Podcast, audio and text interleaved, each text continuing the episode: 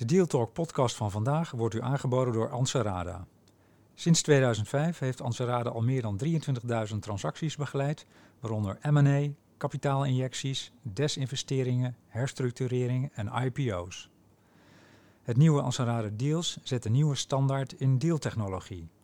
De veilige dealsruimte omvat tools voor projectmanagement, AI-powered data rooms, speciale Q&A-faciliteiten en integratieframeworks. Anserada Deals is meer dan een virtuele dataroom. Het is een complete transactiemanagementoplossing voor de gehele deal lifecycle. Start kosteloos op anserada.com. Welkom bij een nieuwe aflevering van Deal Talk, de podcast over fusies en overnames. Dat wisten jullie allemaal, anders hadden jullie hier niet op afgestemd. Mijn naam is Ben van den Burg. Ik ga in gesprek met ondernemers over dromen, daden, dilemma's en deals. Vandaag Veronique Oudkerk. Hallo. Hallo. Veronique, hallo. Je bent eh, gewoon letterlijk van LinkedIn gehaald, jury member of Venture Kick en investor in medical en real estate. Klopt dat? Of heb je heel lang geleden je LinkedIn aangepast? Nee, nee, nee, nee, ik ben het nog steeds. Ben het nog steeds. Mooi. Ehm, wat inspireerde je deze week? Wat, eh, wat hield je bezig? Wat mij bezighoudt, is eigenlijk wat ik heel erg leuk vind om te zien, is mensen die eh, als een kind kijken, maar met ervaring handelen. En heb je daar een voorbeeld van van afgelopen week? Eh, afgelopen week niet zo Maar specifiek. geef eens, doe dan twee weken geleden of drie Eh, weken. Roger Federer vind ik een typisch figuur. Ja, geweldig. Een, een, een, een echt jochie is hij nog in hart en, en nieren. Hè. Hij kijkt als een kind. Hij houdt zich aan zijn afspraken met, met de oude eh, afspraken die hij heeft gemaakt met zo'n jong jochie. Daar is een filmpje over. Ja. Heel ontroerend. En hij heeft wel een top Het bereikt. is juist belangrijk om als kind te blijven kijken. Absoluut, want anders heb je de verwondering niet meer. Dan ben je niet meer nieuwsgierig. Dan sta je niet meer open voor kritiek. Maar hoe behoud je dat? Eh, door heel erg ehm, open te blijven staan en eh, voor, anderen. Ik denk ook, eh, dit zit ook in iemand. Ik denk dat je er ook een beetje mee geboren bent. Ik denk ook dat het misschien wel een beetje ligt aan waar je vandaan komt, of je dat hebt meegekregen, of mensen zo met je zijn omgegaan. Eh, en ik ook, in de ene zit nieuwsgierigheid en de ander vindt het allemaal wel eh, prima. Een, ondernemer ben je. In Almere heb ik gezeten bij de, bij de overheid, of semi, hè, dus bij de gemeente Almere. En eh, ik kwam er binnen en ik denk, ja, wat moet ik hier, joh, dat, dat wordt allemaal niks. Nou, uit eh, iets van twintig kandidaten kozen ze mij. Onbegrijpelijk. Ik zei, nou goed, iedereen moet het eens zijn dat ik daar kom, want anders kom ik niet. Want ik ben een ondernemer ik ga hier gewoon met de bezem doorheen. Nou, ik zat bij sociale zaken en eh, die, die man die gaf mij de kans en we hadden zo een rolverdeling gemaakt. Ik zei, joh, ik ben een ondernemer, maar jij beslist. Nou, dat vond hij helemaal geweldig. Dan zat ik hem niet in de weg. En daardoor kreeg ik alle vrijheid natuurlijk om te handelen. Nou, dat is precies wat je wil, want anders kun je helemaal niks. Dan moet je me daar helemaal niet hebben, want dan word ik, ben ik een olifant, een mammoet in een porseleinkast. Dus zo ze- gezegd, zo gedaan. En toen zijn we zo begonnen. En eh, toen zag ik op een gegeven moment eh, hoe dat ging bij de uitkeringen. Dus eh, de uitkeringen werden maar gegeven. Ik denk, ja, dat laat ik toch verstopt. Dat moet toch efficiënter kunnen. En toen hebben we een plan bedacht. Weet je wat, we leggen gewoon het hele proces eens op tafel. Hè, gewoon alle stapjes. En dan gaan we er gewoon met iedereen omheen zitten. En dan halen we er gewoon wat weg. Gewoon van, is dit, is dit nuttig? Eh, heeft dit zin? Of eh, duurt het te lang? Want we moesten terug van, eh, geloof ik, drie maanden naar, twee, naar, naar, naar 30 dagen of naar, naar, naar 20 dagen. Dus we hadden al die processen keurig netjes in stukjes verdeeld en op tafel gelegd. Nou, toen zei ik, jongens, we gaan dit eruit halen, dat eruit halen. Ik haalde zo vijf, zes dingen eruit. En iedereen, iedereen keek en niemand gaf eigenlijk respons. Toen dacht ik, nou, dat kan er dus gewoon Ja. uit. En toen? Nou, toen is het hele proces eh, efficiënter geworden, zonder dat Ja. iedereen eh, boos was. Maar ik keek dus als een kind gewoon naar eh, het proces. En ik zei, jongens, hebben we hier, zijn we hier Ja. slim bezig of niet? Maar dit voorbeeld heeft veel facetten. A. Waarom namen ze het van je aan? Wie, wie ben jij dan? Wat doe je dan? Waardoor ze niet ze- zeiden van ja, hey, kap even lekker. Want als ik het zou zeggen, dan zouden ze zeggen: ja, ben jij weer met je porseleinen kast? Dag. Dus je he- hebt dan iets dat je iedereen mee hebt genomen dat ze dat accepteren van je. Dat komt voornamelijk omdat ik iedereen in zijn waarde laat. Ik laat iedereen in zijn waarde. Iedereen mag alles zeggen. Ik kan prima tegen, eh, dat mogen ze allemaal gewoon zeggen, van ik vind dat onzin of ik vind dat, Oké, in de leuk. waarde laten. in de waarde laten. En op het moment dat iemand eh, zegt van dat vind ik onzin, dat hij dan even zegt waarom. En je mag altijd met een beter plan komen, graag zelfs. Ja. Maar ga niet iets gewoon omdat je er geen zin in hebt. En dat is ook een beetje kind. Je doet mee of je doet niet mee in de zandbak. Maar ik heb geen zin, dan, dan kan je niet meedoen. Ja, het tweede aspect is, is dat ze meegaan. Dat ze natuurlijk na twee maanden zeggen ze van ja, dat deed Veronique wel, maar dag. Dan gaan ze toch het, ja, zitten traineren na een paar maanden. Dat kan ook, hè? Dat kan, dat zullen ze ook zeker wel gedaan in bepaalde facetten. Dan moet je weer in gesprek en dan zeg je, nou kom dan met een meterplan. Ja. Altijd uitblijven dagen. Altijd vragen, oké, je vindt het niks, maar we gaan niet stilzitten. Kom dan met een meterplan. En wat betekent dus kijken als een kind? Dat is waarachtig kijken. Ongecompliceerd, Ongecompliceerd, ongecompliceerd, open. open, Oh. met verwondering. Ja, precies. Dat zijn die termen. Ja. Dan even nog, we pellen hem even af. Handelen als volwassene. Wat betekent dat dan? Is dat een doel stellen, naartoe Precies. werken? Precies. Maar ook je ervaring gebruiken. En waaruit blijkt dat dan bijvoorbeeld bij dat... andere- Intermenselijk, intermenselijk. Ik weet dat ik als, als ik soms grappen maak, humor erin gooi, en dat heb ik van nature, relativeren van jezelf, dan vinden mensen die denken, nou, die, die, die, die, die is toch ook, eh, hè, die is toch best wel grappig of Ja. best wel leuk. Kijk, als je alles heel ernstig houdt, eh, vaak in het, in het heest van de, van de strijd, moet je een grap maken. En als je ziet dat iedereen heel gespannen zit, zoals in de politiek en zo, dan heb ik altijd vreselijk de neiging Ja. om een hele flauwe grap te maken, waardoor er even die ontspanning komt, waar e- even, even de focus eraf is, waardoor mensen een beetje beter naar buiten kijken en dan wordt het allemaal wat vrolijker. Dat is vrouw eigen, denk ik. Wij hebben natuurlijk eigenschappen die mannen minder goed kunnen gebruiken eh, Nou ja, en wat je- inzetten. Wat je veel ziet in boardrooms, weet je, nemen ze het allemaal wel heel erg serieus. Te. Ja, dat vind ik persoonlijk ook, maar het gaat niet om ons, hè. Dus Nee, nee, nee, nee, maar goed, als jij vraagt me iets, dus dan geef ik een mening. te- Te. Ja. Ja, kun je daar een voorbeeld van geven? Nou, ik- ik- dat je denkt van, jeetje, kom op mensen, we, we spelen met elkaar, hè. Exact. En, en precies dat, dat spelelement. En eh, jij als sporter moet dat herkennen. Ja. Jezelf niet eh, Al te serieus te al te serieus te nemen. Ook het sportief op, opvatten als het even niet gaat Ja, zoals jij wil. Klopt. Niet bij de pakken neer gaan zitten. Je herpakken, al heb je vier keer eh, eh, je kop gestoten. Ja. Toch weer opstaan. En dat is iets wat je moet, moet kunnen. En ik denk dat het heel verstandig is dat dat spelelement, dat zit in je en dat ontwikkel je. Dat vind je leuk. Dat is ook iets wat, je, wat, je, ja, wat je denk ik al vroeg hebt geleerd en vroeg leuk hebt gevonden. En als je die twee dingen combineert, kom je een heel eind. En die boardroom, en dat, dat weet ik ook uit ervaring, die mensen zitten heel serieus te kijken. En sommigen die vinden die grappen helemaal niet leuk, maar anderen vinden het wel leuk. En eh, ser- niet serieus nemen in een boardroom moet je altijd een beetje mee uitkijken. Maar dan is de truc altijd, tenminste die ik heb eh, gehanteerd, is zo blond als blond te doen. Gewoon hele slimme vragen stellen. Hele slimme, maar ja, ik weet het ook niet, hè. Maar ik zit met deze vraag. En dan ben je ontwapenend, want dan denken ze, nou ja, ze snapt er echt helemaal niks van. En dan gaan ze je vertellen hoe het leven in elkaar zit. En dan denk ik, ha, nu heb ik hem. Dus dan ga je doorvragen en dan zeg je van, oké, kun je dat uitleggen? En kun je het nog verder uitleggen? En omdat je aardig en vriendelijk blijft, blijven ze dat doen. Maar daardoor, A, krijgt de persoon, komt open Mhm. en gaat het uitleggen waarom hij zo doet zoals hij doet of vindt zoals hij dat vindt. En dan kun je daar weer op inhaken en daar weer op verder bouwen. Uiteindelijk gaat het erom dat je elkaar begrijpt. Zou eh, het bedrijfsleven, en ik neem het expres even heel breed, eh, duurzamer, eh, financieel rendabeler, aangenamer, zeg maar die elementen daarin verbeteren als we meer als een kind kijken? Absoluut. Ja. Absoluut. Waarom gebeurt het dan niet? Want iedereen vindt. Oké, eerst, wat is je bewijs daarvan? Hoe weet je dat? Je zegt absoluut, hoe weet je dat? Ehm, dan moet ik helaas op mijn eigen ervaring terugvallen. Prima. Ehm, dat heb ik in alle eh, opdrachten en alles wat ik ook heb. eh, Dan gaan we gaan zo beginnen wat je Ja. allemaal gedaan hebt. Maar ik, Ja. ik, ik zit nu vol hierin, dus ik wil Ja, even afmaken. Ja. Dus hoe weet je dat? Hoe ik dat weet is, eh, als je namelijk als een kind blijft kijken, eh, appelleer je bij mensen aan een gevoel eh, wat ze allemaal in zich hebben. En een kind verbindt en een volwassene kan verbinden, maar kan ook helemaal niet verbinden. Maar het is gevoel.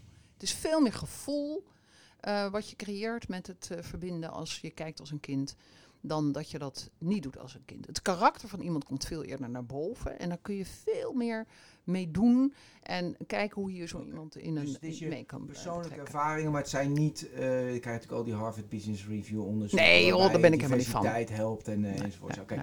nee. Eh, vind, vind ik wel opvallend waarom... ik, want ik denk dat heel veel mensen... Nou ja, als ik mensen, iedereen die ik vraag van... Ja, dat is zo, dan is het effectiever. Mhm. Als je als een kind blijft kijken, als je waarachtiger bent... Dan is het financieel ook, hè. Dus ook financieel Absoluut. ook rendabeler, maar ook dus duurzamer en gezelliger en leuker. Om even drie elementen te noemen. Waarom hebben we dat dan in onze samenleving, daar ben je mede verantwoordelijk voor, ik ook en iedereen die luistert, eruit gehaald? Ik vind het, jij vindt het, wij begeven ons in de businesswereld. En weet je, wij handelen dan zo en dan, ja, dan vinden ze mij toch altijd weer een aparte snuiter en jou waarschijnlijk ook. Ja, zeker. En dat komt omdat ehm, ik denk ehm, de, dat heel veel eh, is eh, gevoel en verstand uit elkaar is gerukt. En ehm, alles moet intellectueel, alles moet verantwoord, alles moet eh, in spreadsheets. En daardoor gaat er eigenlijk een, een sfeer ontstaan waarin een rechtvaardiging komt van een, van een intellectueel, overintellectuele interpretatie van de maatschappij. Waar eigenlijk totaal dat, dat voet in de klei aspect uit wordt gehaald. Wat is het gevolg daarvan? Van een totaal eh spreadsheets? Ontzielen van de maatschappij. Ontzielen. Ja. En waar zie je dat? Zie je in de zorg, zie je in het onderwijs, Ja. zie je in, eh, nou ja, ook gewoon in heel veel bedrijven. in bedrijven. Ja. Ja. je ziet het overal. En eh, dus dan is op je werk of dan in de zorg. En dan, inderdaad, dan kom je in een ziekenhuis en dan zie je van dan, Je bent een nummer. dan ben je nummer. Ja. Maar patiënten stellen zich ook op als nummer, hè? Je wordt gemaakt tot nummer. Want je komt daar en je moet een pasje meenemen. Als je geen pasje hebt, moet je eerst naar een automaat. En als je die automaat eh, niet goed doet, en dan moet je een pasje weer inleveren. En dan gaat het op die manier. En je bent in het ziekenhuis. In de hele diagnose ben je een nummer, huppel de pup. En eh, Ja. wordt een, een, een, toevallig heet je dan Jan, eh, Jan. Maat. Ja, maar Jan Maat in dit geval. Jan Maat eist ook gewoon dat het ziekenhuis, de dokter, de arts, de verpleegsters gewoon een dienst leveren. Meer en meer. En dat maakt dat Dus dat is inderdaad een samenspel. klopt. En dat, dat is een samenspel wat fout gaat. Juist. Eh, want Want da- dat vindt het ziekenhuis ook niet leuk, hè? Nee, helemaal niet. Want eh, nou je het er zo over hebt, ik had toevallig gisteren een, een, ehm, eh, een, een etentje met een neef van mij. Hij zal het zeker leuk vinden. Nou, we gaan hem noemen. Nee. We gaan hem, nee, we gaan hem niet noemen, maar hij is uh, neurochirurg. hij, is, hij is dus eh, hersenchirurg. En die vertelde dat, eh, dat inderdaad de ontmenselijking... Hè, je bent gewoon een loodgieter. Ja. En mensen worden gewoon kwaad, want je moet gefixt worden. En als je niet gefixt bent, Ja. dan heeft de loodgieter het gedaan. Ja, dus En je bent geen auto. Eh, Nee. En dat worden we meer en meer. En die eh, automatisering en internet werkt daar natuurlijk ook aan mee. Dat je steeds verder daar in die wereld geraakt. hebben we al een goede reden hoe, hoe dat gekomen is. Dus wat... Nou, dat gaat Industriële eh, revolutie. Ja, gecombineerd met internet. en, Ja. Noem maar, maar op. Dan gaan we de filosofie in. Nee, moeten we niet doen. Oké, we gaan even terug naar jouw carrière. Want je hebt een rij... Carrière. Je hebt een carrière. Carrière. Wat vind jij van het woord ka als dat mensen een... Ik begin te lachen. Ik begin te lachen. Want Ik- dat neem je niet serieus, nee, hè? totaal niet. Nee, ik ook niet. Ik vind alles zo dom. Ik vind het vreselijk. Ik heb een carrière. Ik Denk, Nee, ik doe wat, zeg ik altijd. Wat mooi vind, wat je iets aan Ja. toevoegt, waar mensen blij van worden. Exact, waar je ook zelf blij van Ja, wordt. uiteraard. Dat is allemaal Ja. onder, ja, Ja, onderdeel. Oké, nou, je hebt activiteiten ontplooid in je leven. Waar je Absoluut. blij van wordt, Ja. waar de mensen blij van worden. En dat begon allemaal met een, met een gamers magazine. Ja. Dus er was in de jaren negen. Hoe kom je bij een gamers magazine? Voor, een magazine voor gamers. Ja, klopt. Nou, dat was eigenlijk heel idioot, want ik had artificial intelligence gestudeerd. Dat heette vroeger eh, in- eh, kunstmatige intelligentie. Ja. Volgens mij heb je ook taal en letterkunde Ja. gestudeerd. Nou, dan had je vrij doctoraal, dat heb ik gekozen. En dan kon je kunstmatige intelligentie. Gaaf. Ja, vond ik helemaal geweldig, want toen, ons, toen bestond dat allemaal nog helemaal niet. Maar ik had al het gevoel en de visie dat de eh, communicatie en ICT, of IT heette Ja. dat toen nog, bij elkaar zouden komen. Dat had ik al heel vroeg door. Dus ik ben dat gaan studeren. Ik was de eerste afgestudeerde kunstmatige intelligentiestudent in Nederland, in Utrecht. Ik zal het nooit vergeten bij meneer Boot, dokter Boot. Ehm, en vervolgens eh, rolde ik eigenlijk automatisch al een beetje in allerlei rare banen, waaronder eh, eh, dus eh, ja. eh, Een trainee bij VNU, eh, nou, dat is zo, het spectrum. Want ik, eh, ik had een scriptie geschreven over een, eh, een TNO retrieval methode. Dus, dus een, eh, eh, ja, eh, voor indexiële databases eh, heette dat toen. Daar kon je dus eh, met de trigamma methode kon je dat eruit krijgen. Nou, totaal was dat eh, helemaal naar Leg even uit, leg even uit. Nou, we gaan er diepte in. Diepte in. Diepte we in. Nou, trigamma-methode is eigenlijk dat je drie letters pakt Ja. in een volgorde, dus 3-3, in eh, groepjes van drie. om te kijken of dat een woord genereert waarmee je dus in een database kan zoeken. Ah. Nou, indexeel bestond toen, maar eh, ja, dat, dat was toen eigenlijk helemaal het begin. Want VNU, die had allemaal van enorme encyclopedies en die wilden ze Ja. digitaliseren. Nou, hop, hop, hop, nieuwe... eh, eh, nieuwe Midden jaren 90 pra- praten we over. Eh, hier praat je voor 90. we praten in de jaren 60 nu. Nee, Nee, maar grapje. Nee, grapje, 80. Jaren 80. Jaren 80. Ja. Ja, raar eigenlijk, hè? Zo lang geleden. Maar zo actueel ook weer. Ja, ja. Nou, vervolgens ehm, hadden, hadden ze dat allemaal helemaal in een eh, organisatie gezet. Dat heette toen het, het Spectrum. Misschien jou wel bekend. Ja, ja, dat ken ik, ja. En toen had ik die scriptie geschreven en toen heb ik die scriptie tegen het licht gehouden. En toen is die hele tent opgedoekt. Ja, dat was eh, wat minder eh, leuk voor Spectrum. Voor mijn scriptie was het heel geweldig. En toen kreeg ik meteen die baan aangeboden bij VNU. Ik denk, nou, die kan wel wat. En zo ben ik eigenlijk in VNU gerold. Nou, toen zag ik dat daar allemaal mensen zaten, eh, bobo's, daar hoog in. En dat was allemaal man. Dacht ik, nou, hier ga ik niet gelukkig worden. Hier kan ik mijn creativiteit, want creativiteit is ook eh, een van de facetten die ik wel een beetje in het karakter heb. Toen dacht ik, nou, weet je wat, ik, eh, ik ga eens rondsnuffelen. En toen zag ik een advertentie. Ja, je wil het niet weten. Een advertentie van een Duits publishing house, ER Medien in Duisburg. Ja. Die zochten een commercieel manager voor hun game magazines. Yes. En toen dacht In ik, Nederland, want het was een in Duits... Duitsland. In Duitsland. Yep. En ik ben erheen gereisd, gewoon auto gepakt. Ja, zo ben ik. Ik, ik in mijn auto, ik, daarheen. ik, ga, ik denk, ik ga kijken. Uh, und Deutsch? War das, Ein Deutsch, dat was geen probleem. Kein Problem in Kein Deutsch. Problem. Ah, das ist gut. Dat is zeer goed. Ben ik heen gegaan en toen heb ik gesproken. En toen vonden ze het eigenlijk wel grappig. Want eh Nederlander had zeker toen meer ingang en toegang tot de Engelse, let Ja. wel, Engelse en Amerikaanse markt. En daar lagen de spelletjes. Ja.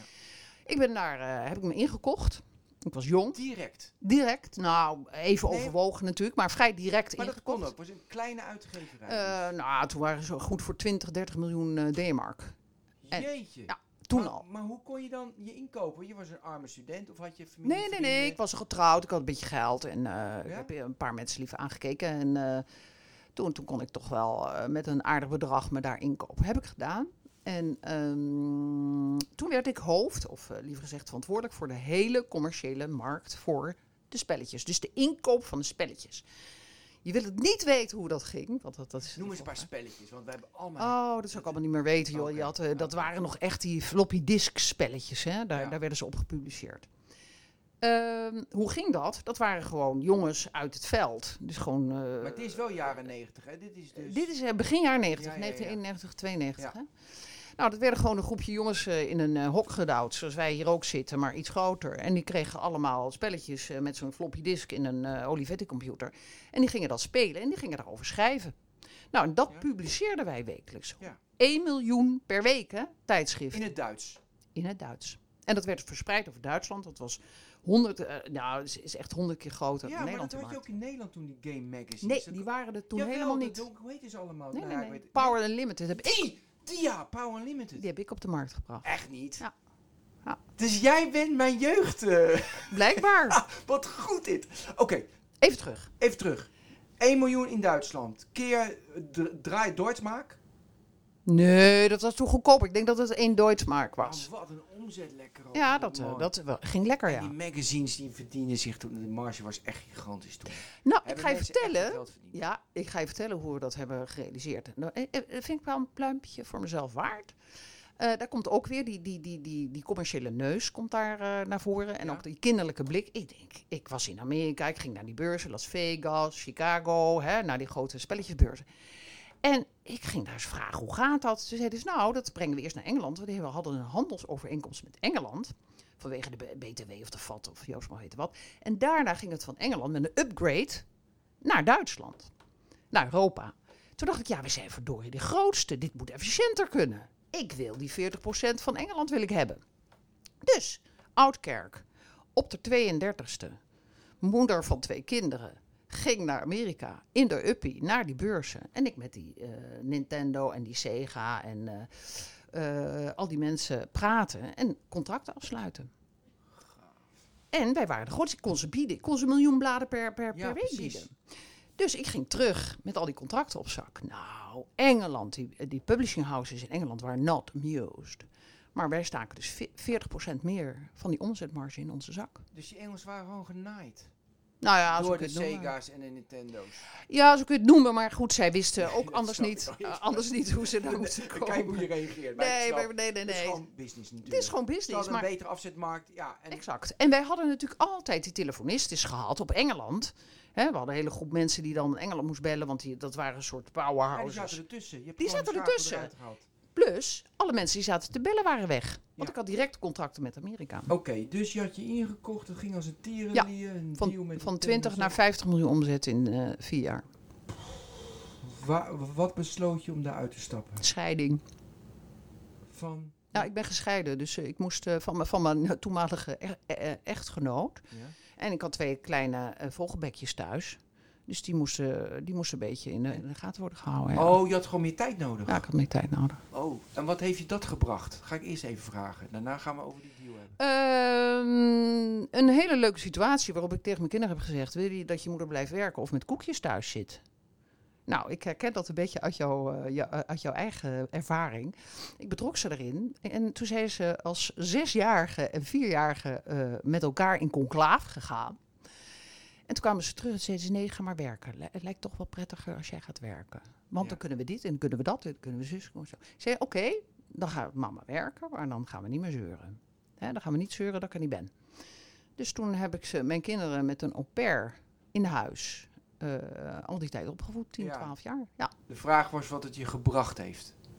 En niet hoe je het gedaan. Eh, het heeft me twee dingen gebracht. Mijn kinderen zijn super zelfstandig geworden. Want die, die, Ja. moesten natuurlijk eh, veel zelf regelen. We hadden contact. Ze waren de eerste, denk ik, met een mo- mobiel telefoontje. Want ik liep al met zo'n hele grote Ja, Motorola, zo, zo, zo'n eh, zo, zo'n meldpak rond. Ja, ja.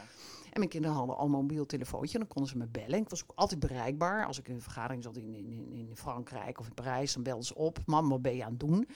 En mag ik een koekje? Heerlijk. Ja. Zeg ik, nou ja, nou, doe maar, doe maar een koekje. Geen idee de situatie Geen idee de situatie, maar dat is juist leuk. Ja. En met wie praat je? Weet je wel, je Ja. hoort die kinderen vragen. Dus die, die- dat, dat contact werd heel intensief. En eh wij deden allemaal gekke dingen. Natuurlijk, ze wilden niet, op een gegeven moment niet meer naar school. Want met mama was altijd veel leuker de weekenden. En ja. En het tweede had. wat het je heeft gebracht? Het tweede wat mij heeft Dus gebracht... kinderen zelfstandig, dat is één. Ja, dat is voor, voor het gezin dan. Ja. Andere, andere wat het me heeft gebracht, is dat ik daardoor ongelooflijk veel eh, meer ehm, zelf ben gaan denken: wat wil ik? En hoe kan ik het zo efficiënt mogelijk doen? Ja. Opdat ik veel thuis kan zijn op het moment dat ik niet werk. Ja. Dus mijn eigen tijd indelen, daar komt Ja. het echt op neer. Oké, dus eh, je verkocht het omdat je in scheiding had. Vind ik nog- vind ik nog steeds gek. Waarom moet je het verkopen als je... Omdat er ook geld van mijn echtgenoot in zat. Oké, dus, oh, precies. Dus je moest je uitkopen. Dus Ja, klinkt altijd een beetje vervelend. Want meestal moeten mannen en vrouwen uitkopen, maar bij mij was het net andersom. Ja, nou ja. is om het even, denk ik. Ja. Eh, Oké, dus toen moest je het verkopen. Was het verve- een vervelend moment? Ja. Ja, want je kunt ook denken van, "Ah, ik ben- er vanaf, maar je zat vol in je, In mijn energie. prime, in je prime zat je en dan is het irritant dat je, oké, dat kan ik me heel goed voorstellen. En je deal was natuurlijk matig, want je, je moest verkopen. Klopt. Ver- eh, ja, verplicht of, of onder Ja. druk verkopen is nooit leuk. Shit. Oké, en, en toen? Nou, niks hoor. Toen eh, eh, liep ik natuurlijk met een enorm zak ervaring. Hoe En ging die deal? Heb je de adviezen in, ingekregen of was het gewoon een standaard beetje multiplier die in die wereld toen gangbaar was? weet je dat? Een multiplier in de. We hebben er niet al te moeilijk over gedaan. Tweeledig. A, het moest snel, want ik, eh, ik zat met, eh, met, met hijgende mensen in mijn nek. En ten tweede dacht ik van, jongens, het is goed. Want mij ging het meer om plezier. Tuurlijk heb ik aan verdiend. Tuurlijk. Ja. Helemaal geen probleem. Ook genoeg. Maakt allemaal niet uit. Daar gaat het, ging het mij ook niet om. Maar ik hoefde niet het onderste uit de kam. In die periode had je dat ook niet. Dan ging het allemaal wat Nee, makkelijker. Dat, ging, het- dat idee Ja. had ik ook in het was niet zo jaren ag- 90. agressief. Het was allemaal een beetje zo. Iedereen liet elkaar een beetje... En wat waren toen de gemiddelde multipliers in de mediabranche? In die jaren negentig, de markt was toen beroerd hè, voor de multipliers. Dat Ja. was natuurlijk die enorme crisis die we toen hadden, ook in de woningmarkt in Nederland. Jaren negentig was heel slecht, hoge rentes. Eh was een multiplier uit mijn hoofd tussen de 2,5 en 3. Ja, dat is. een- Ja, ik weet niet in de, in de media wat het nu, nu is, maar. Nou, hangt ervan af van eh, waar je schrik er zit. niet van. Ja, precies. Dat is natuurlijk heel erg allemaal. Maar ik schrik er niet van dat het veel is. Weet je, ik denk, Ja. eh, oké, prima. Ja. Oké. Dan had je dus het allemaal verkocht. Maar je zei net, met je, was je gescheiden, je kinderen en met werk en je zat net in Frankrijk. Dus wat ging je doen? Ging je eerst gewoon een jaar niks doen? Nee, Of nee. direct, want je kinderen zeiden, ga maar weer aan het werk. Ik moet werken, want ik vind dat leuk. Ja, ik heb veel te veel ideeën en veel te veel energie. Dus ik word een monster als ik de hele dag thuis zit. Ja. Dan, dan moet ik de hele dag sporten of iets anders doen. Dus eh, nou goed. Dus? Ga maar werken. Nou, ik met mensen praten. Ik had, eh, mijn netwerk was natuurlijk behoorlijk uitgedund. Want je hebt in Duitsland gezeten. Oh ja, in, in Nederland. Precies. En je moest terug naar Nederland? Ik ging terug naar Nederland. Ja. Ja, mijn kinderen zaten op school, dus ik ging terug naar Nederland. Ik heb daar eh, met eh, een groot aantal mensen gesproken. En die zeiden, nou, jij, jij past helemaal niet als jij een, een, een, een, hoe heet het, een, een handtekening moet hebben voor, voor 5000 eh, gulden in die tijd. Ja, daar ga je helemaal niet gelukkig van worden. Dus dat wordt niks. Nee, dat zag ik mezelf ook Ja, niet doen. precies, ik, ja. ik, ik deed deals van, van 3 miljoen, 4 miljoen. Ja. denk ik, nee, dat, dat gaat hem niet meer worden. Ik had ook veel te grote mond. Dus eh, nou, toen eh, hebben ze gezegd, je weet je wat jij moet doen? Interim. Gewoon klus aanpakken, doen, afmaken, klaar. Nou, dat past wel bij mij. Dus zo ben ik erin gerold. Bij de eerste ben, eh Buul Benelux ben ik begonnen. Nou ja, en de rest, dat staat ongeveer, die staat er geen eens in. En de rest, eh, dat kan je zien. Ik heb in alle branches ongeveer gezeten die je kan verzinnen. Ongelooflijk leuk, veel geleerd. En ehm, ja, met plezier gedaan. En dat heb je dus al die jaren gedaan. En Veel. Ook. ook. dus zeg maar interim, interim, interim. Heb je je later nog ergens ingekocht? Ik heb me niet, in, eh, ja, wel in, niet ingekocht, maar met eh, eh, de ideeën wel verder vormgegeven aan. Ehm, is eh, professional vision. Ik, Professional vision. ja, dat was eigenlijk de governance, die nu zo in allerlei opleidingen zich manifesteert. Hè. Je hebt overal opleidingen governance, hè, toezichthouder. Ja, ja, ja. Nou, die tijd was dat helemaal niet zo. Ik ergerde me alleen maar dood, omdat ik weer ergens eh, natuurlijk een interim opdracht had In bij welke de tijd media. praten we nu? Ehm Want ik denk aan- 2006. Oké, want ik denk aan 2004, Art 2004, Anderson, 2005. Weet je, die case, denk ik, Art Anderson. Toen, dat was zeg maar het begin dat Ja. we denken, governance is wel belangrijk. Ja. Was wel belangrijk, maar toen kwam het hoog op de agenda door die case Art Anderson. Klopt. Moest ik aan denken. Dus ik snap dat je in de goede tijd zat met 2006, Ja. weet je wel. Dat, Ah. dat kost dat. Ja. En hoe kwam je daarbij? Dus er was een, een wat voor type organisatie was dat? Er was al iets van eh, een dame die dat deed. Die was al bezig met een beetje dat toezichthouderschap voor vrouwen te organiseren. Eh, nou, dat vind ik eenzijdig, dus ik wilde dat sowieso ook voor mannen. Maar wat veel belangrijker was, ik wilde er één component in, namelijk ICT. Dat was toen totaal onderbelicht in de toezichthoudende rol van iedereen die dan toezicht moest houden. Want als je zou vragen toen, wat denkt u wat het percentage van eh, budget is, begroting, wat gealloceerd is voor ICT? Ik denk dat de gemiddelde mens zou zeggen 5%. Nou, in die tijd was het al iets van 30, 35 procent. Dus met andere woorden, daar moet je wel iemand opzetten die er verstand van heeft hoe dat werkt. Hangt er van een branche af. Nou, dat is wel zo, maar als je in de grote bedrijven keek, was bij- bijna alle bedrijven zaten met de ICT al heel ver in de digitalisering Oké. en de automatisering. En dus je, promote meer van, hé, hey, er gaat veel budget naartoe. Daar moet iets aan gebeuren. We moeten dat breder snappen, trekken. Ja. breder trekken. En de integriteit. In plaats van regelgeving, ga maar eens met integriteit aan de slag. Dus ga maar terug naar de mens in plaats van regels. Want regels is leuk, maar het gaat uiteindelijk om het besluit van de persoon zelf of die iets doet of niet doet. En je kunt het allemaal wel, natuurlijk, regelgeving is heel belangrijk, maar ik denk dat ook de integ- persoonlijke integriteit van toezichthouder essentieel is voor het welvaren van een bedrijf. Daar liep je wel echt jaren op vooruit. Ja, maar daar heb ik een neus voor. Ja, want dus we zaten natuurlijk nog eh, heel erg met eh, show me the money. En eh, good, greed is good. Weet je, in die, in die tijd. Klopt. Wat natuurlijk nu nog Klopt. steeds zo is. Maar dat, dat zeggen mensen niet. Oké. ehm, en dus de Professional Vision, dat was zeg maar consultancy club. Dat was eigenlijk een opleiding. Een opleiding. Alleen die wilde ik geaccrediteerd Mediteerd hebben. En toen hebben we de grote Bobo eh, eh, aan ons gebonden. Dan heb ik even zijn naam kwijt. Die Maakt zat- niet uit. Ma- maakt niet uit, maar die eh, was een professor in de governance. Ja. En die hebben we erbij gehaald. En die heeft gezorgd dat het geaccrediteerd werd. werd. En eh, we groeiden eigenlijk te weinig om echt, een, eh, echt dat groot uit te bouwen. En dat- toen hebben we het naar eh, de Wagnergroep verkocht. En de Wagnergroep zit in Groningen. En die had al zo'n heel bestel alleen maar in die opleidingen. En Philip eh Wagner, die kende ik persoonlijk. Toen ik Lars de Wagner Group dacht. Ja, lag je aan Oekraïne? Ik dacht gelijk aan die, aan die, aan die huurlingen. Ja, ik gelijk daar. Ja. Hè? Heb je daar aan Nee, nee, nee, nee, nee, daar heb ik niet aan verkocht. Nee. Oké, De hoe, tegenovergestelde van in- integer zijn die. hoe ging dat? Want het is, dit is eh, een beetje deal talk, hè? dus we moeten over Ja. de deal hebben. Die deal eh, was eh, als volgt. Ik ben erheen gegaan met Philip, want die kende ik. Ik heb gezegd, joh, zo, staan de, zo staat de vlag erbij. Wat gaan we doen? Heb je belangstelling? Die had zeker belangstelling. Eh, gezien ook de... Om zijn portfolio uit te breiden met andere trainingen. Nu ook, governance Ook, maar precies. Hij wilde, hij wilde dat zeker hebben, want hij zag, hij zag duidelijk: ik heb hier een spin-off. Ik hoef het niet meer zelf te organiseren. Eh, het is aan de universiteit verbonden. Eh, het heeft een eh, goede, goede roef, om het zo maar in het Duits te zeggen. Ja, en de credibility door de universiteit. Credibility, exact. En ehm de, wij zaten toen al met eh eh Education Permanente. Oei. Daar zaten we toen ook al in. Ja, nee, het moest echt goed. Ja, eh, kijk, als je iets doet, moet je het goed doen. Nou, dat was allemaal georganiseerd. Dus het stond eigenlijk...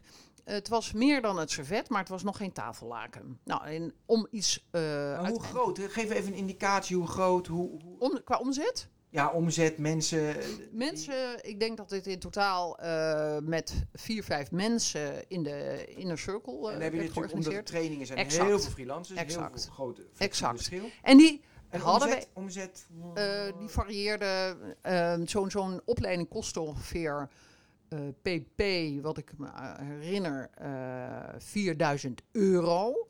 En je had klassen tussen de 10 en 25 en dat deed je vier, vijf keer per jaar. Ze waren geen grote getallen. Nee, en dat waren zeg maar die trainingen die nu ook op Nijrode worden gegeven. Ja, Een exact. vriend van mij, die Exact. dat nu, eh, die, Exact. Die, hebben het gejat, zeg ik altijd. die hebben het gejat Ja. om ehm, in, de, in de raad van, van commissarissen Klopt. te komen, raad van Klopt. te komen, dat soort Klopt. cursussen. Klopt. Die hebben het dus dat is het. Ja.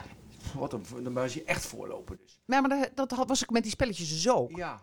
En dat was ik met, later met de drones ook. De drones komen zo op. Ja, we hebben nog maar. We moeten door. Eh, Oké, s- snel.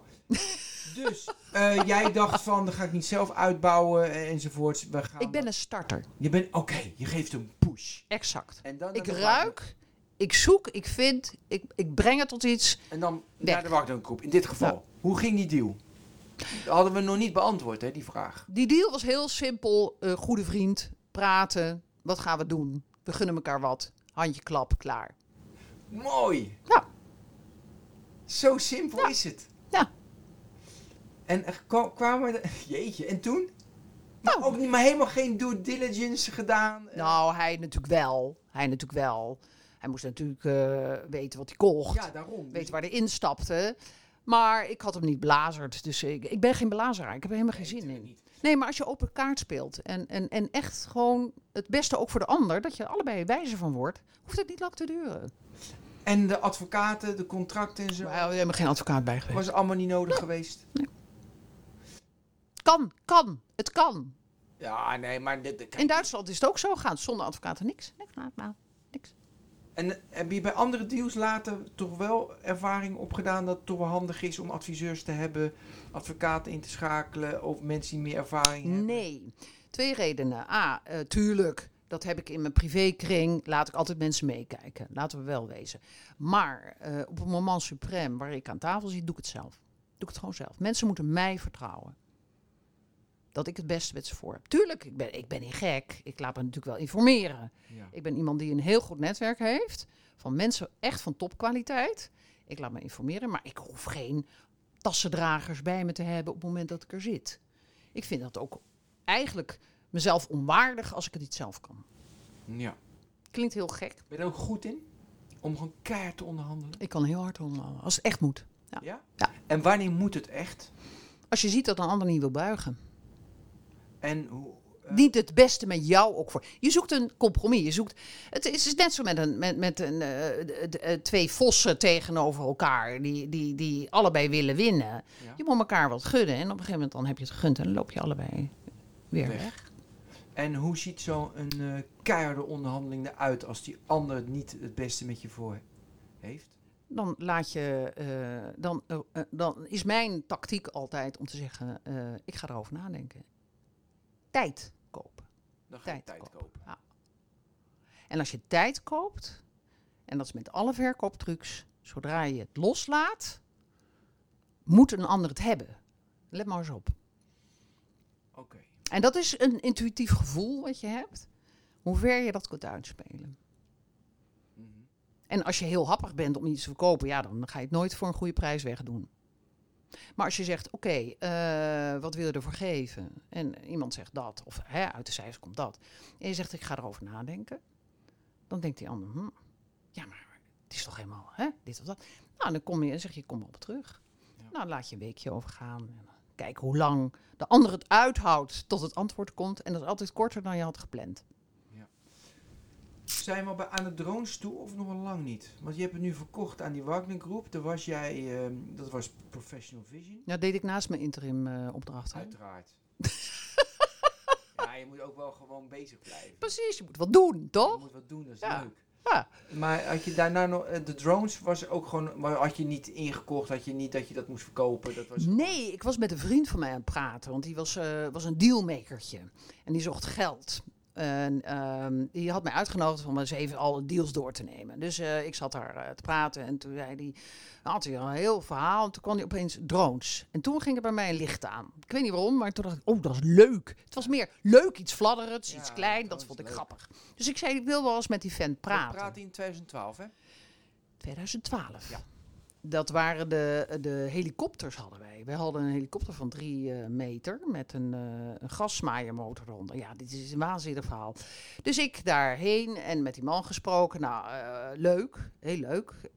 Ik was gelijk enthousiast, want het was een werkend ding op afstand. Een, een eh, helikopter die een payload... Payload is de Ja. draagmogelijkheid van 80 kilo. Dat weet, weten alle luisteraars weten dat. dat Oh, nou, ik hoef niks meer te zeggen. Nee, nou, ik. ieder- nou goed, dat was eh, Ja. een, een grote helikopter en die kon je dus eh, besturen. En die had een eh, Sense en Void camera. Dat was toen heel hip. Ja, 2012. Eh, want je kunt natuurlijk niet de luchtballonnen van eh, leuke hobbyende mensen eh, doorvliegen. Dat lijkt me een beetje slordig.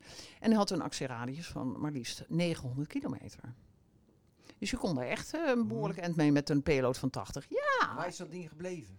nou, die gasmaaier, die eh, hebben ze onderuit gesloopt. Nee, een grapje. En ehm, nou, lang gesproken, hij was helemaal verliefd en, eh, op, op, op zijn spullen. En als ze uiteindelijk aan Joost, ehm nou heb ik even zijn achternaam kwijt. Joost, Joost, Joost, Nou, Joost, Joost. Joost, Joost verkocht. En dat is heel groot. High Eye bestaat nog steeds. Het is een hele Hi- prominente speler. High Eye. Ja, die ken ik. Ja, nou, Van dat is dan, Joost. Ja. niet. Gaaf. Ja, en de, de- dat is helemaal uitgebouwd. Ook daar heb ik weer een neus gehad. En toen was er een, heb ik een man aangenomen, een Amerikaanse piloot. Ex-piloot uit het Amerikaanse leger. Ja. En die heeft eigenlijk alle reglementen toen geschreven. En de beschrijving van eh, de totale technische snufjes eh, voor die eh, helikopter gemaakt. Leuke vent trouwens. Nou, goede vent. Maar ik ken hem niet. Nee, ik ook niet. We geloven allemaal dat Ja, het leuk is. ja. Ehm, heb je nooit, weet je wat je zegt, ik ben een starter, begin en dan, en dan weg. Vind je nooit jammer, want je, je hebt best wel een, een lang eh, werkend leven gehad nu. of een lang leven, een langer...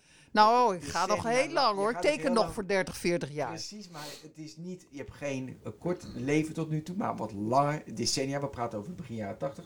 Vind je niet jammer dat je met jouw talent en wat je allemaal gedaan hebt, niet iets, de, de impact voor meer mensen groter hebt gemaakt? Want direct gingen anderen verder mee aan de haal, anderen gingen het verder brengen. Je had ook kunnen verbinden en dat langer kunnen blijven doen. Nou, als interimmer wordt het heel lastig. Want nee, heb maar je dan een, had je precies. kunnen kiezen in twe- 2010 of nou, ik ga het nu anders doen. Ik ga nu Ja. verbinden en Ja. dat verdiepen Ja. en dat bouwen. Of dacht je van, dit zijn mijn eigenschappen niet, kan ik niet, juist niet doen? Of vind je nu achteraf terugkijken van, hé, dat had ook wel een mooie uitdaging geweest? Heb ik ook gedaan in eh, vastgoed.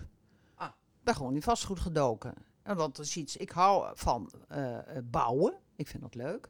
En toen heb ik gedacht, nou weet je wat, eh, ik vind dat inderdaad wel jammer dat ik niet zie wat ik doe en daar ook profijt van krijg. Hè? En langer bij blijf. En toen ben ik in het vastgoed gedoken. Pandjes gekocht, Nee, ontwikkeld. pandjes ontwikkeld. Nog steeds. En dat En- doe ik ook in Zwitserland. Want ik ben sinds 2012 zit ik in Zwitserland. Ja. En daar koop ik stukjes grond, opties. Ja? En dan laat ik iets eh, door de architect eh, tekenen. En dat sturen we in. En als dat is goedgekeurd, dan koop ik het grondje, een stuk grond. En dan bouw ik dat, eh, dat gebouw erop. En dan verkoop ik het. Maar wat is daar de truc aan? Wat is daar lastig aan? De truc is niet zo moeilijk. Je moet nuchter denken. Het is heel plat eigenlijk. Je moet een beetje neus hebben voor, ook daar weer de neus, voor de toekomst. Waar gaan mensen zitten? Ja. Hoe gaat het economisch? Ik zit nu bij, vlak bij de fabriek Lonza. Eh, Lonza, dat is de fabrikant van Moderna vaccins. Nou, dat is een eh, biochemisch bedrijf, groeit als kool. eh, Werknemers moeten daar wonen. exact. En de managers worden ingevlogen, Ja. dus daar moeten huizen gebouwd. En een manager of een, een directeur gaat niet in een eh, flatje zitten, die wil een fatsoenlijke woning. Goed zeg. Nou, dan ga je kijken waar wordt de infrastructuur. Dus dan ga je infrastructureel onderzoekje doen. Van waar wordt er Doe je allemaal zelf? Ja, doe ik allemaal zelf. En de- dus dat... Dan kan ik ook alleen mezelf de schuld geven als het misgaat. Ja. Want ik vind het heel flauw om, om, om te zeggen, jij hebt verkeerd geïnformeerd. Nee, zelf doen. En je hebt... Ja, oké. Zelf doen, dat is ook kind, hè? Ja, dat is ook zelf kind- doen. Zelf doen. en niet met... Ja, oké. ja. Ah. Oké, en heb je niet van, moet ik een, eh, een pro- moet ik een grote projectontwikkelaar worden, waarbij ik dit ook doe in Spanje enzovoort? Juist Ook, ook. Ook. In Nederland ook. Ik, eh, bijvoorbeeld hier in Nederland heb ik dan eh, mensen die iets willen verkopen, een huis willen verkopen, wat eigenlijk voor veel te weinig geld naar de volgende gaat, die het gewoon plat gooit en een projectontwikkelaar erop laat. Hè? Die koopt het dan. Dan denk ik, nee, ga ik doen. En ik maak die bewoner ook nog wat rijker. Dus ik zeg, nou, hou dat maar gewoon. We gaan ontwikkelen. Jij krijgt een stuk en ik de rest. En dan heb jij ook profijt van. Hey, en je medical stuk dan, want dat is de real estate Ja. en investment real estate. Wat is de medical part? Eh, een stukje marketing voor eh, een bedrijf wat in Amerika zit, wat in stents zit. Stents, Ja, dus ja. hersenstent, nee, hersenstent. Oh, Vasculaire hersenstent. assistent in je, in je Nou, die zie je nauwelijks. Dat is zo klein. Ja. En eh, die ontwikkelt dat en daar marketing voor gedaan in Europa. Ja. En dat is leuk. Dat, dat zijn eh, hele mooie trajecten. En ik zit natuurlijk eh, veel in de juries Ja, van de- medicals.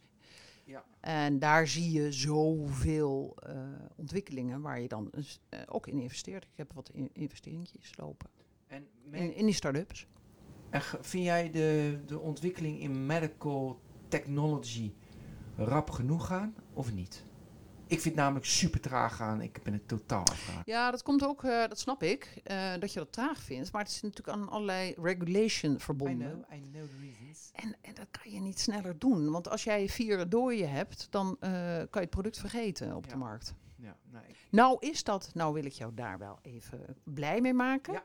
graag. Eh, bij een oude studie Artificial Intelligence komt daar ook weer terug. Want ze zijn nu zover dat ze artificieel dus een eh, human body kunnen namaken. eh, en daar dus ook de proeven voor ziektes op kunnen loslaten. Of voor het werken van een vaccin. Ja, En dan krijg je die versnelling erin die jij zoekt. ja. Maar of je het volledig, de human body... eh, nou, je kunt wel hele slagen maken in de, in de tests. Hè? Ja. Maar een menselijk lichaam is vrij complex. Maar die discussie gaan we nu niet voeren. Oké, tot slot. Want we lopen uit de tijd, maar dit is toch, het gebeurt gewoon. Heb je het ondernemers van huis uit meegekregen? Ja. Of i- totaal, je, je ouders, je familie? Je, je, Ik kom van oudsher uit twee eh, ondernemersfamilies. Eén Ja, eh, rederij, Ja, die staat er nog steeds. Rederij Oudkerk. Ja. Oude schepen uit de Tweede Wereldoorlog zijn opgekocht. Ook weer dat Oh, hele gaaf. simpele. Volgegooid met eh, kolen en staal uit Zweden. ja, En dat is een groot bedrijf geworden, offshore bedrijf. ja. Met Herema gefuseerd. Een, een andere vraag is, moet je gegrepen zijn voor het ondernemerschap door de inhoud? Of zeg je van, dat hoeft op zich niet? Je Absoluut. wel, je moet gegrepen zijn. Absoluut. Hey, gaaf die huizen, dat is inhoudelijk mooi, daar gaan ze wonen. Eh, wie gaat daar dan wonen? Dat, dat je Het ontwerp, het ontwerp, eh, de creativiteit? Juist, dus het snuffelen. is essentieel. Anders, Absoluut. Anders lukt het niet hoor. En- Anders ben je ondernemend. Ja, mooi. En dan, eh, waar ligt jouw inhoudelijke... nou, passie is verschrikkelijk woord. Dus wat vind jij inhoudelijk interessant? Eigenlijk drie takken van sport die altijd blijven bestaan. Food, wonen, medical. Oké, dus die drie takken, dat Blijft altijd bestaan. Heeft een mens nodig. essentieel. Ja. Mooi. Eh, En media vind ik altijd leuk. Ja, dat is leuk. Gewoon gewoon leuk. Erbij, Speeltje. speeltje. Oké, nog een, eh, een super tip voor, voor iedereen? Doen wat je graag doet, omdat je er energie van krijgt. Mooi. Sluiten we hierbij af. Eh, ik heb genoten. Veronique Oudkerk, bedankt. Jij ook. Dit was weer een aflevering van Deal Talk. Ik hoop dat u genoten hebt. Als dat niet zo is, ja, dan hebben we gewoon pech deze keer. Tot ziens, tot de volgende Deal Talk. Hoi. U heeft geluisterd naar Deal Talk. De Deal Talk podcast van vandaag wordt u aangeboden door Anserada. Anserada Deals is meer dan een virtuele dataroom. Het is een complete transactiemanagement oplossing voor de gehele deal lifecycle. Start kosteloos op ansarada.com.